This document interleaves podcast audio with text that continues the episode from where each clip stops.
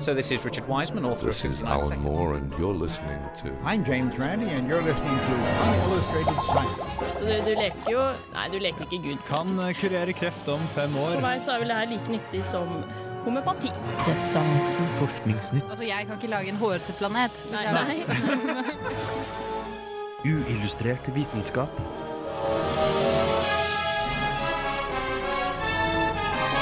Science, works. I forrige uke skjedde det en kjempeoppdagelse som dessverre ble for dårlig dekket av mediene. I dagens sending forteller vi deg grundig hva denne oppdagelsen gikk ut på. I tillegg får du vite hva polyfasisk søvn er, hvilken hjernehalvdel du bruker mest, og andre små fun facts.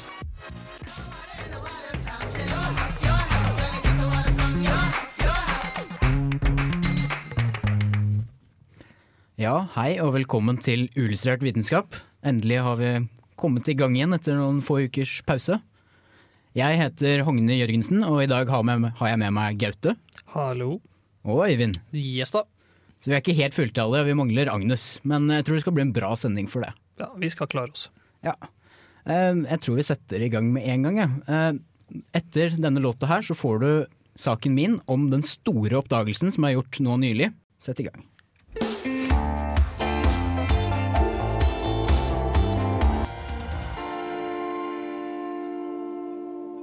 Mandag forrige uke annonserte forskere ved Harvard Smithsonian Center for astrofysikk en kjempeoppdagelse. Oppdagelsen kan faktisk argumenteres for å være en av de største oppdagelsene innen vitenskap noensinne. De fant de første direkte bevisene for at den kosmiske inflasjonen fant sted i det tidlige universet, ved å detektere polarisasjonen til universets bakgrunnsstråling. Det polarisasjonsmønsteret de fant i bakgrunnsstrålingen, viste tydelige tegn til gravitasjonsbølger som ble dannet etter den kosmiske inflasjonen. På denne måten slo forskerne to fluer i én smekk. Ikke bare fant de de første direkte bevisene for at den kosmiske inflasjonen fant sted, men de fant også de beste bevisene vi har i dag for at gravitasjonsbølger eksisterer slik som relativitetsteorien predikterer. Men la oss dykke litt dypere ned i hva alt dette faktisk betyr.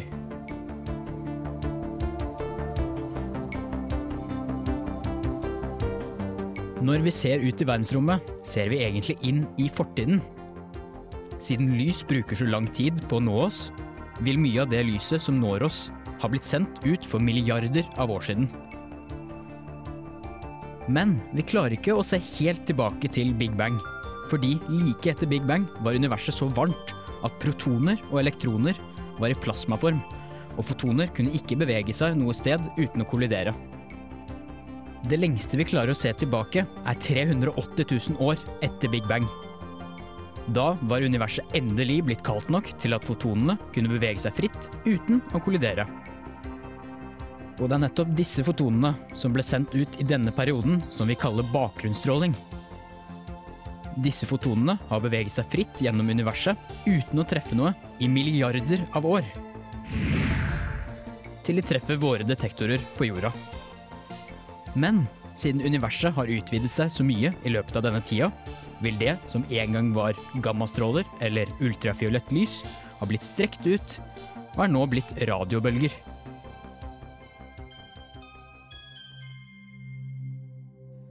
Uansett hvor på himmelen vi retter detektorene våre, så merker vi denne bakgrunnsstrålingen som radiobølger. Men det som overrasket forskerne da de oppdaget denne bakgrunnsstrålingen i 1965, var hvor uniform og jevn denne strålingen var. Det var nesten ingen forskjeller på den, noe som måtte bety at protonene og nøytronene i det tidlige universet måtte ha vært ufattelig jevnt fordelt. Men hvordan kunne egentlig det tidlige universet være så uniformt og likeformet? I 1980 foreslo den amerikanske fysikeren Alan Guth en teori som han kalte kosmisk inflasjon, som forklarer hvordan det tidlige universet kunne være så uniformt. Den kosmiske inflasjonen går ut på at universet må ha utvidet seg ekstremt fort i løpet av noen brøkdeler av et sekund etter Big Bang. Mer nøyaktig sier den at universet utvidet seg til en størrelse 10 opp i de 26. ganger større i løpet av 10 opp i de minus 34 sekund. Og det er dette som gjorde at universet ble oppfattet så uniformt. For å forstå dette kan du se for deg et bilde som blir forstørret ekstremt fort. Før bildet blir forstørret, vil bildet ha mange detaljer og forskjellige farger. Når bildet blir forstørret, vil den totale størrelsen på bildet bli mye større. Men bildet vil ikke ha fått noen flere detaljer eller farger. Og dermed vil bildet se mer uniformt ut, uten at det har endret på seg. Og det er nettopp dette som skjedde i det tidlige universet. Alt ble strekt ut, slik at variasjonene ble mindre synlige. Men problemet forskerne nå hadde, var at de ikke hadde noen direkte beviser for at en slik kosmisk inflasjon fant sted. Det finnes ikke bakgrunnsstråling eldre enn 380 000 år etter Big Bang pga. plasmatilstanden til universet. Dermed måtte forskerne lete et annet sted for å finne tegn til ting som skjedde før dette.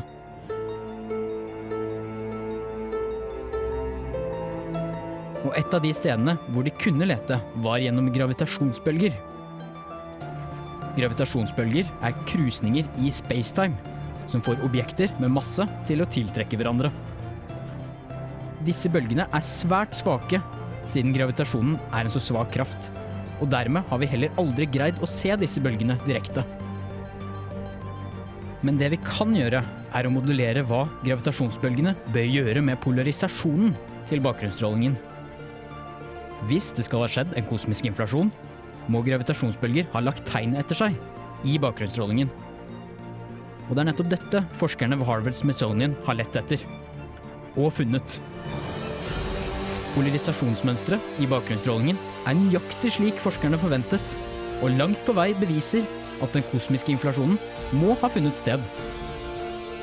I tillegg så viser resultatene langt på vei at gravitasjonsbølger også må eksistere, slik som prediktert av relativitetsteorien. Resultatene må først bekreftes av andre forskere, men om det skulle vise seg å stemme, så vil dette være kjempeviktige resultater for forståelsen av universet. Og kanskje et av de viktigste oppdagelsene noensinne.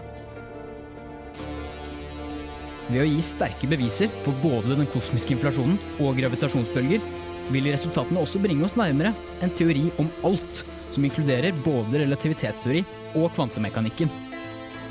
Den vil også sterkt hinte til at universet vårt kanskje ikke er det eneste universet der ute, men at vi lever i et multivers bestående av mange universer. Og til slutt vil det uten tvil være en nobelpris verdig. Gratulerer.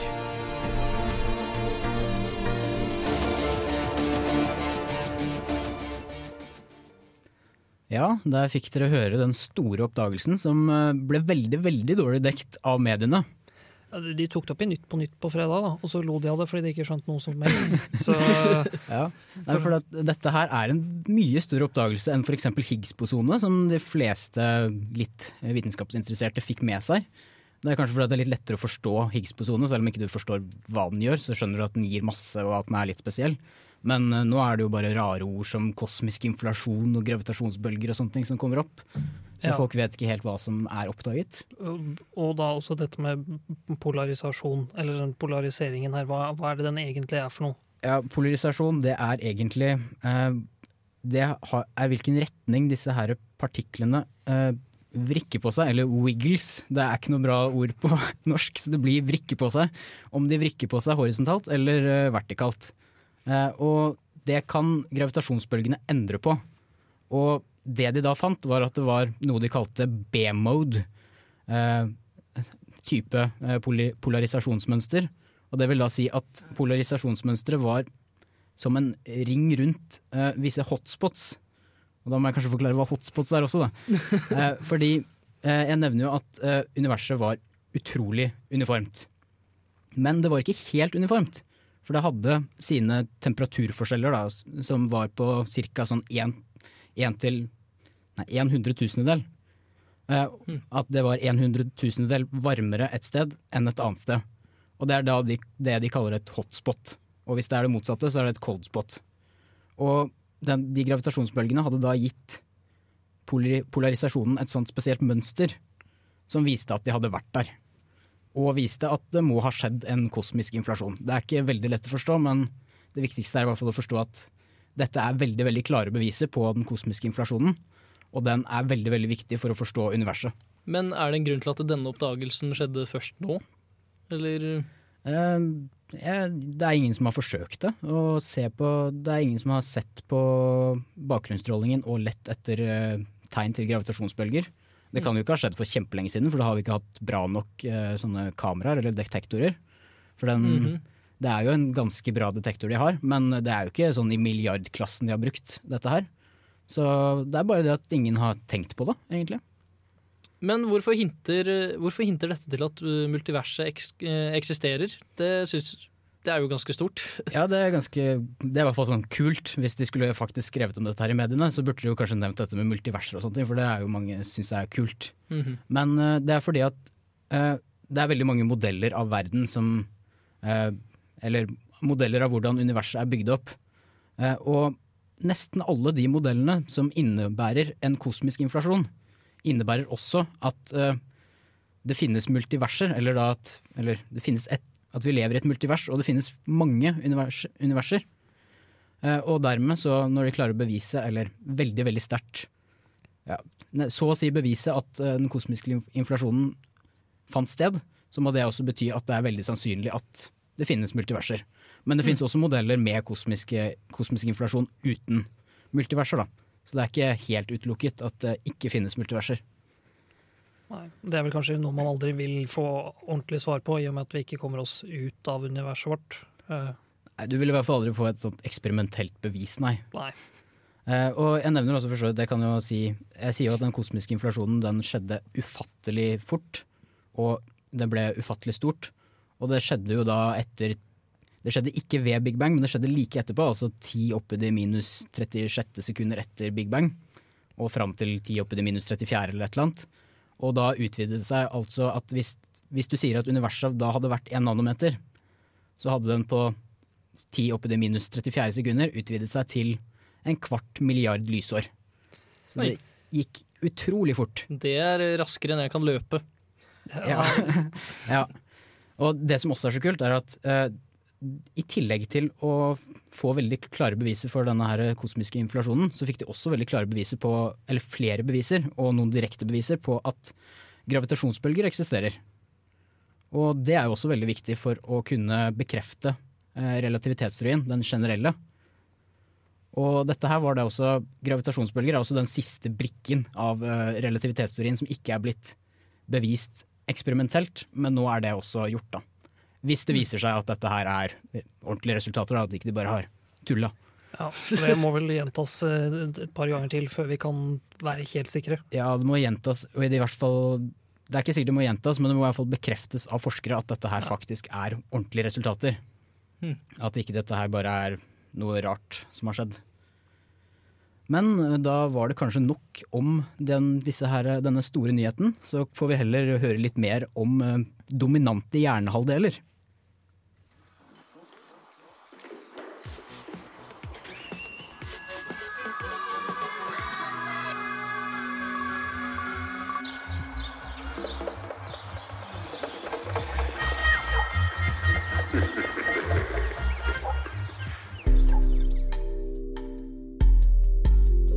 Er du venstre- eller høyrehjernet?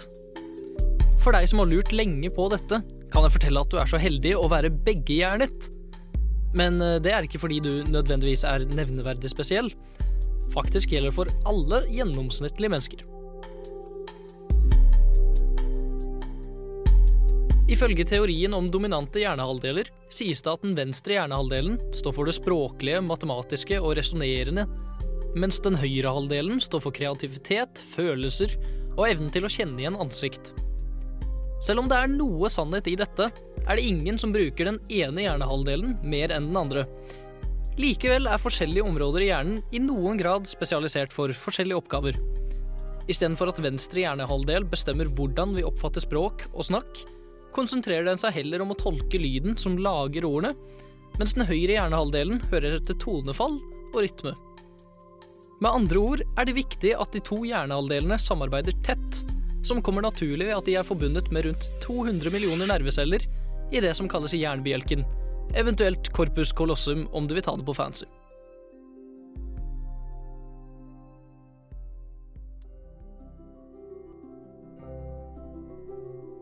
Så med andre ord er den største feilen med denne teorien at den beskriver hjernen som to nærmest uavhengige, separate organer med liten grad av samarbeid mellom seg, og at den ene hjernehalvdelen jobber mer enn den andre. Selv om den for så vidt er inne på noe ved at enkelte områder i hjernen spesialiserer seg på forskjellige oppgaver, er det naturligvis ikke så enkelt som at alle oppgaver som sammen står for kreativitet og språk f.eks., befinner seg i én fast hjernehalvdel. Så for de som har vært så uheldige å gå hjemmefra uten venstre hjernehalvdel, stått i flere timer og vurdert å snu fordi du har mistet tidsoppfatningen, så kan du i det minste kose deg med den viten at høyre hjernehalvdel endelig er mer dominant enn venstre.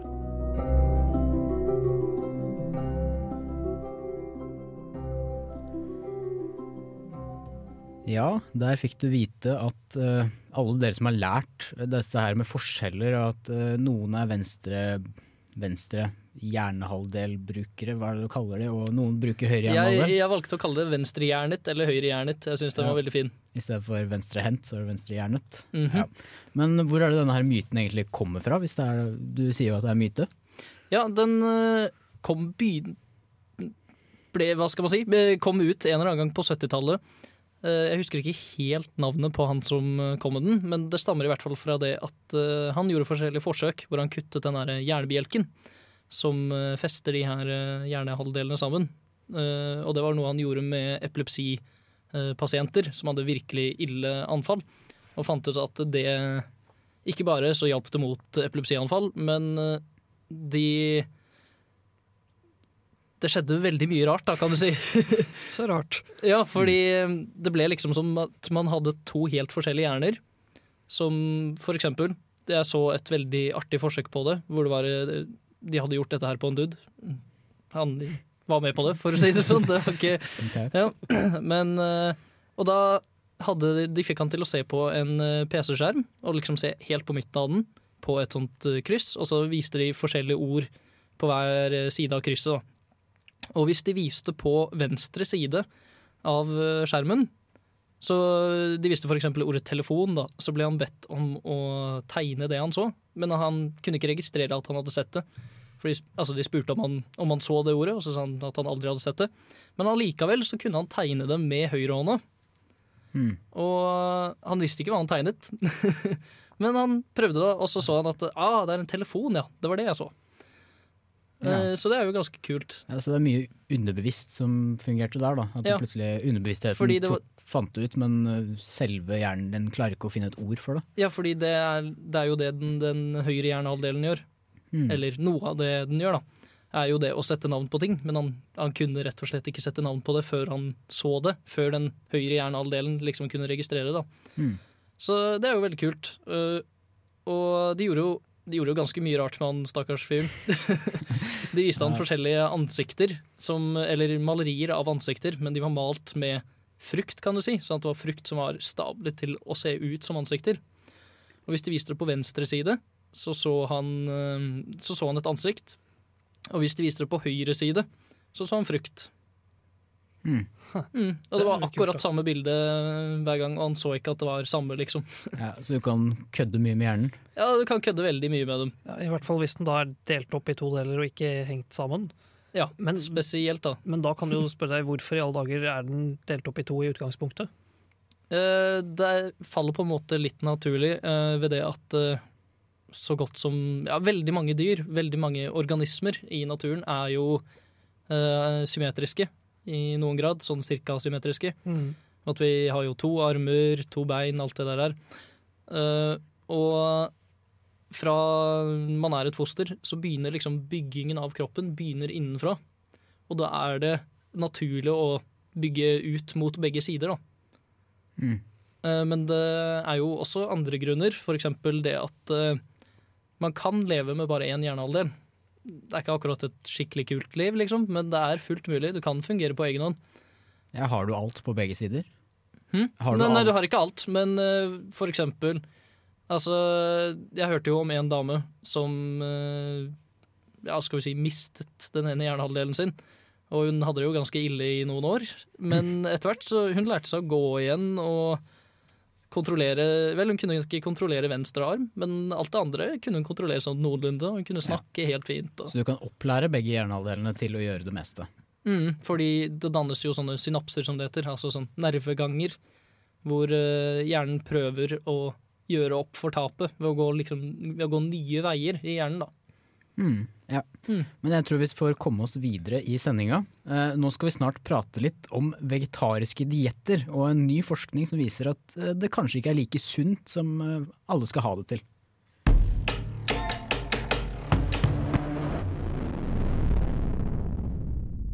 Hi, this is James Grime from Numberphile, and this is Unillustrated Science.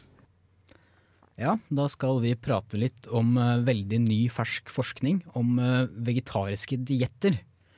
Fordi nå er det noen som har gjort et stort forsøk med eh, Det var vel 1300 personer, og da var det ca.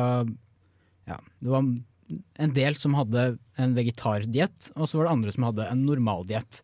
Og så har de sjekket den generelle helsa da, til disse som spiser vegetarisk, hadde en vegetarisk diett og en normaldiett.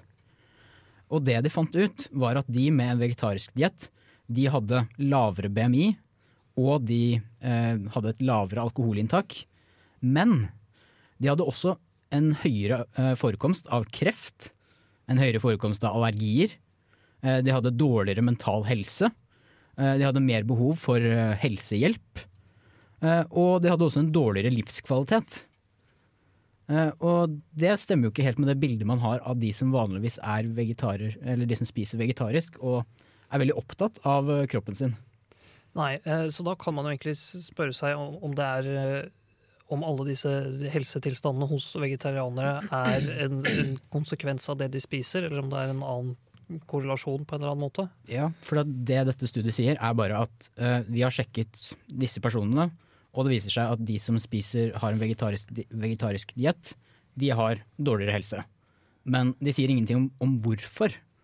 Så det kan jo hende at det bare er en korrelasjon, altså at alle de som spiser vegetarisk er hippier og røyker, og dermed så, så får de dårligere helse av det. da. Men uh, nå sjekka de faktisk det òg, de sjekka opp mot eh, de som røyket, og da kunne de sjekke de som hadde en normal diett og røyket, og de som uh, spiste en vegetarisk diett og røyket, og da kunne de også sjekke der at det var en forskjell på de som røyket der òg. Så det er Mm. ikke det. Det var ikke det. Og det kunne jo også vært at de som var eh, de som var allerede ganske feite og ganske svære, hadde måttet gå over til en vegetarisk diett for å gå ned i vekt. Men det går også imot det de fant ut, at de, med, de som hadde spiste vegetariske dietter, de hadde en lavere BMI.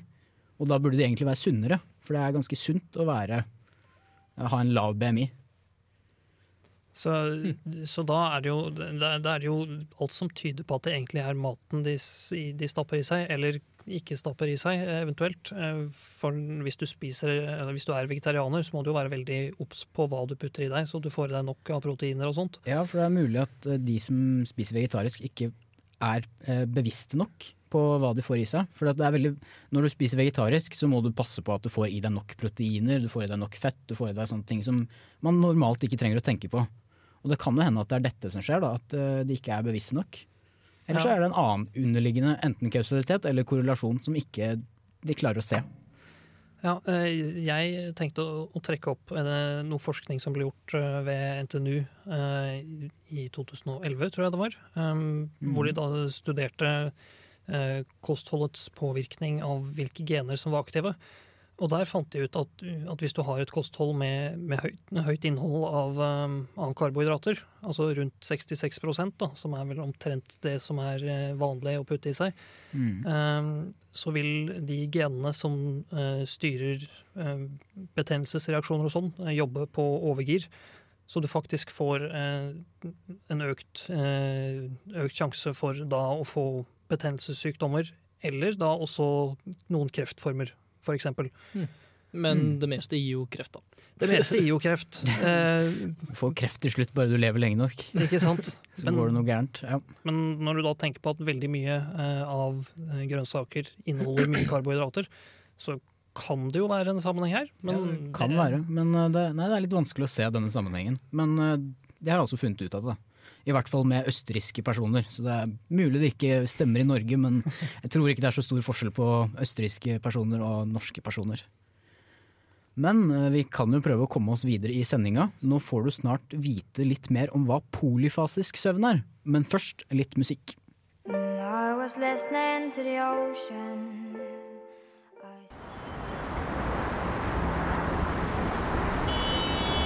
Nå om dagen lever mange travle liv, og du har kanskje selv ønsket at døgnet hadde flere timer enn det det egentlig har.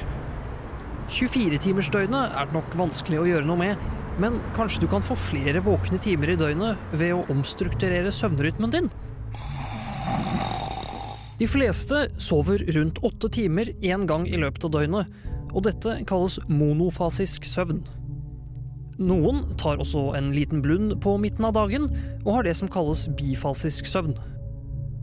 Totalt bruker man rundt 30% av livet sovende, så da kan det kanskje være fristende å korte litt ned på søvnen. For å forsøke å få mer tid våken, har flere forsøkt ulike former for polyfasisk søvn, der man sover i flere korte etapper fordelt utover døgnet. Den første veldokumenterte polyfasesoveren var Buckminster Fuller rundt midten av 1900-tallet. Han sov etter Dymaxion-mønsteret, der du sover kun 30 minutter hver sjette time, dvs. Si totalt to timer med søvn i løpet av et døgn.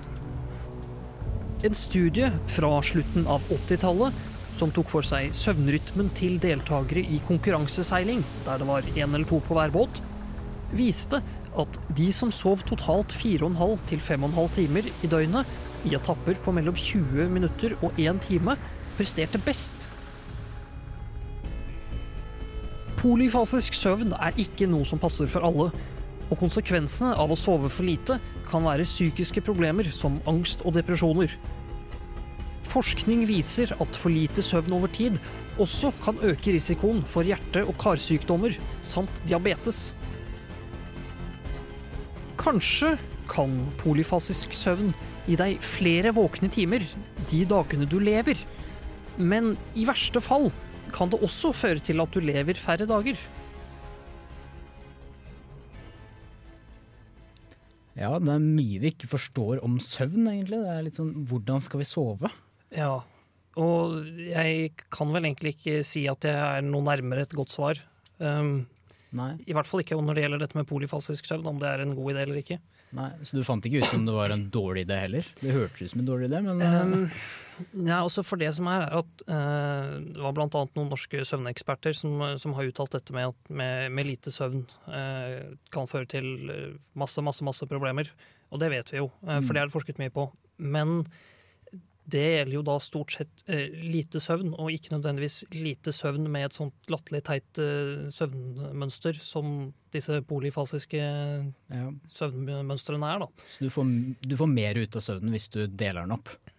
Eh, kanskje. Eh, det, er, det er i hvert fall bevist at, eh, at det å ha en liten høneblund eh, sånn rundt midten av dagen en gang, kan være veldig positivt for, for hukommelse og det å lære mer. Mm. Um, men eh, om det er noen god idé å begynne å kutte ned så du sover veldig mye mindre, det, det tror jeg nok ikke. Nei. I hvert fall ikke ut fra det, det jeg har lest på, da. Nei. Og, og hvor langt er det folk har gått egentlig med den eh, type ekstremsøvn? Eh, Ja, han, han Buckminster Fuller eh, er vel en av de, de første ekstreme, i hvert fall. Eh, jeg har ikke lest om noen som har vært nede i så veldig mye mindre enn to timer søvn. Nei. Men det er jo da tre hovedretninger, kan man kalle det, av polyfasiske søvnrytmer som man ja, som er populære, da. Eller som i hvert fall nok av folk har prøvd til at de har blitt, blitt kalt store retninger. Eh, Og det han gikk etter, eh, var jo da den derre Jeg vet ikke egentlig hvordan du skal uttale det. Dymaxion eller noe sånt noe. eh, Som han visstnok kalte opp selv. Sammensatt mm. av dynamic maximum og tension. Så, ja, og de to andre er jo da Uberman og Everyman, så de, de har jo i hvert fall tro på seg selv, da. Ja. De som finner opp dette her. Ja. Nei, det er jo ganske ekstremt når det er såpass få som faktisk klarer dette her. Da. At det bare er Du holder ikke ut.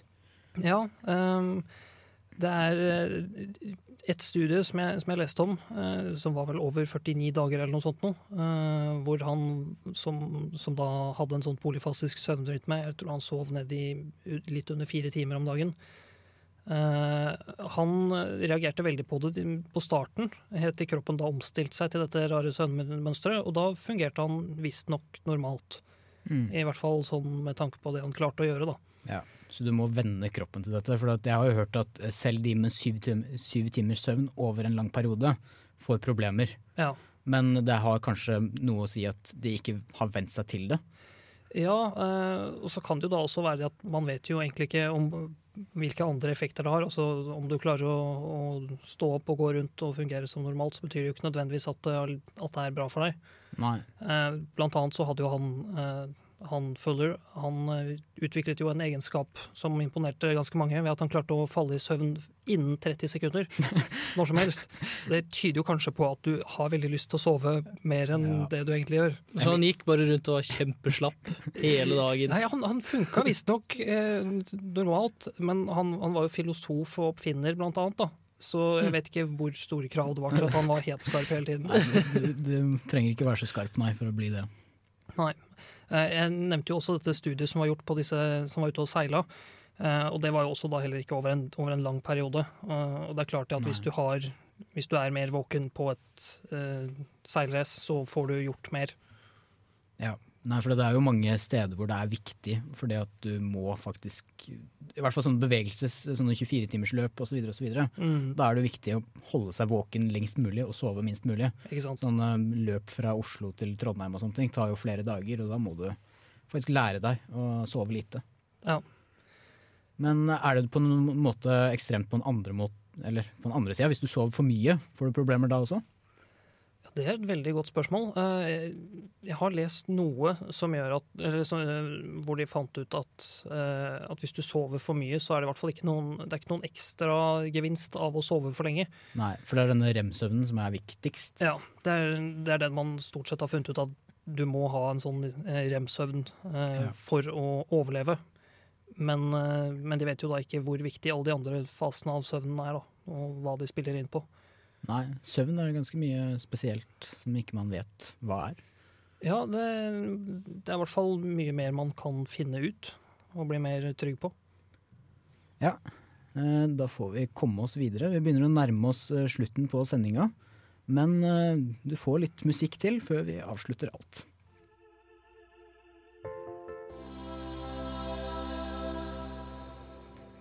Ja, vi begynner å nærme oss slutten, men eh, vi klarer å presse inn litt om gjær. Ja, det må vi gjøre. Eh, For, det er noen forskere som har funnet ut at eh, i da et forsøk på å etter hvert kunne lage kunstig DNA, så har man klart å fremstille et kunstig kromosom som man har puttet inn i en levende organisme, og da gjær. Ja, selvfølgelig gjær. Selvfølgelig er. Eh, Og det de har gjort, eller den er mye, det er mye mindre, denne kromosomet de har puttet inn, men så langt så, så virker det som om det fungerer som det skal. Altså. Så det blir jo spennende å se hvor de ender opp med dette her til slutt. Mm, ja. Uh, ja. Eh, Før vi helt avslutter, så vil jeg jo kanskje nevne igjen denne store oppdagelsen. Så ta gjerne og søk på nettet og finn dette her, for det er en veldig stor oppdagelse. Og en av de aller største, faktisk. Det, jeg så en liste over det som var at eh, det, denne oppdagelsen av den kosmiske inflasjonen og gravitasjonsbølger er den, kanskje den fjerde største oppdagelsen innenfor kosmisk eh, forskning. Så dette her er ikke småtterier. Nei. Men jeg, vet du hva, jeg foreslår at vi legger ut dette på Facebook-gruppa, og så kan man se det der. Ja, Så det. like oss på Facebook, så får du også se litt. Grann. Ja. Eh, Jeg har vært Hågen Jørgensen, og med meg i dag har jeg hatt Gaute. Ha det bra. Og Øyvind. Ha det bra. Vi ses neste uke.